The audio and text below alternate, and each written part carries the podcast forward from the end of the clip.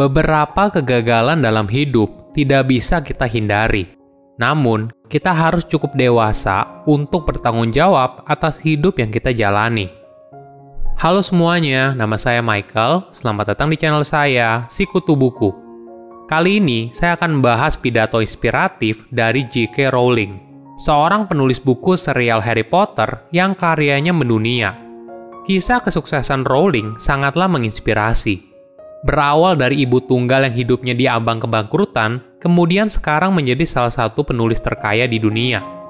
Ketika diundang untuk memberikan pidato kelulusan di Harvard, J.K. Rowling memberikan pesan yang mendalam bagi generasi muda. Dia menjelaskan hikmah dari kegagalan dan pentingnya imajinasi dalam hubungan manusia. Sebelum kita mulai, buat kalian yang mau support channel ini agar terus berkarya, caranya gampang banget. Kalian cukup klik subscribe dan nyalakan loncengnya Dukungan kalian membantu banget supaya kita bisa rutin posting dan bersama-sama belajar di channel ini. J.K. Rowling lahir pada tahun 1965 di Inggris.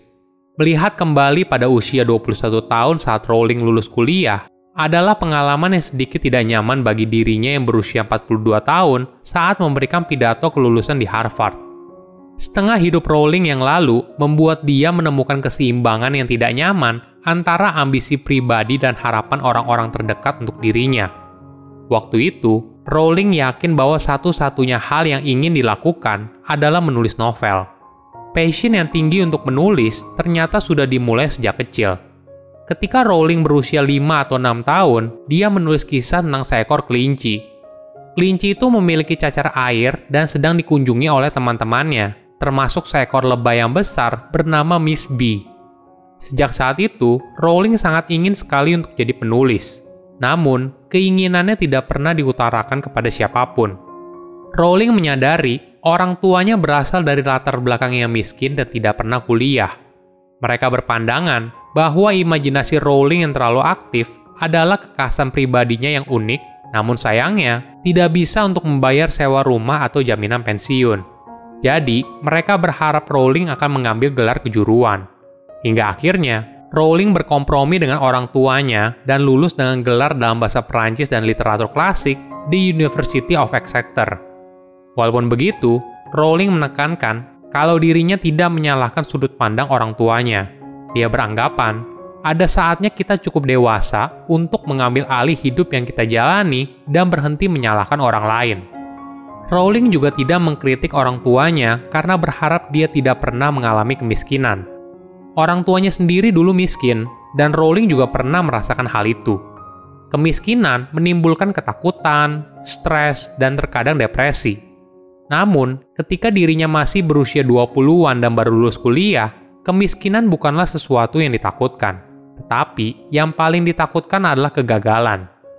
Tujuh tahun setelah kelulusan Rowling dari universitas, dia mengalami kegagalan yang sangat besar.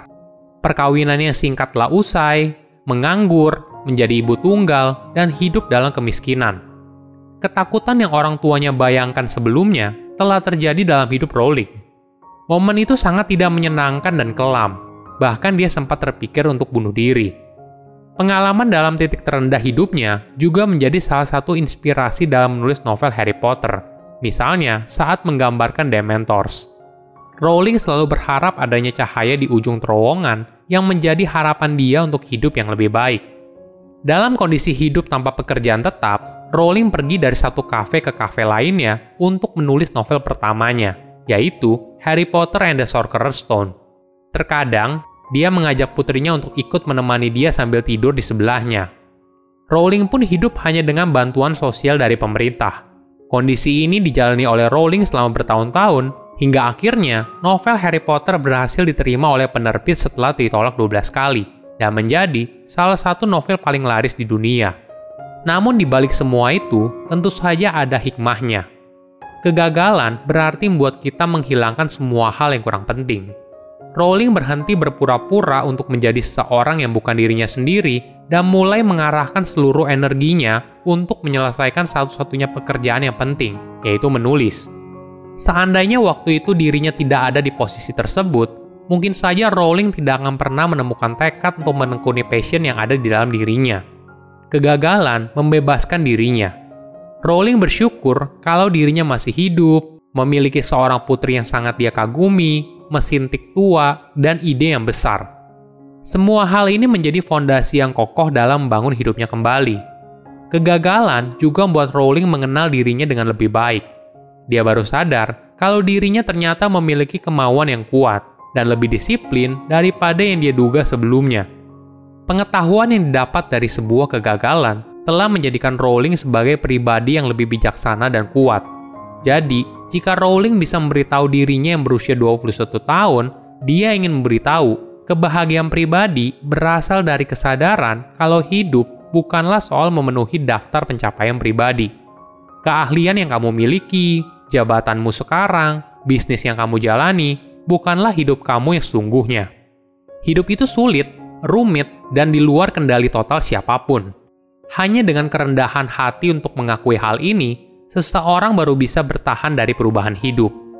Selain hikmah dari kegagalan, Rowling juga membagikan soal pentingnya imajinasi. Hal ini berperan penting dalam membangun hidupnya. Imajinasi bukan hanya kemampuan unik manusia untuk membayangkan apa yang tidak ada, sumber dari semua penemuan dan inovasi. Imajinasi ternyata memungkinkan seorang untuk berempati dengan manusia yang pengalamannya tidak pernah kita rasakan. Salah satu pengalaman Rowling dengan imajinasi dimulai ketika awal karirnya saat bekerja di organisasi non-pemerintah Amnesty International. Sebagai informasi, Amnesty International adalah organisasi yang bertujuan untuk membantu melindungi hak asasi manusia. Pada waktu itu, Rowling sering membaca surat yang ditulis dengan tergesa-gesa dan diselundupkan dari negara dengan rezim totaliter oleh pria dan wanita yang diancam hukuman penjara bila memberitahu dunia luar tentang apa yang terjadi pada mereka. Konsekuensi dari surat tersebut membuat para pria dan wanita tersebut menghilang tanpa jejak.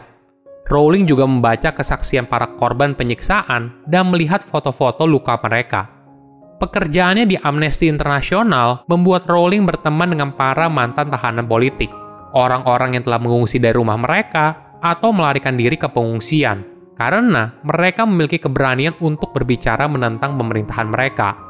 Selama bekerja di sana, Rowling melihat bagaimana manusia bisa melakukan kejahatan kepada sesama manusianya demi mendapatkan atau mempertahankan kekuasaan.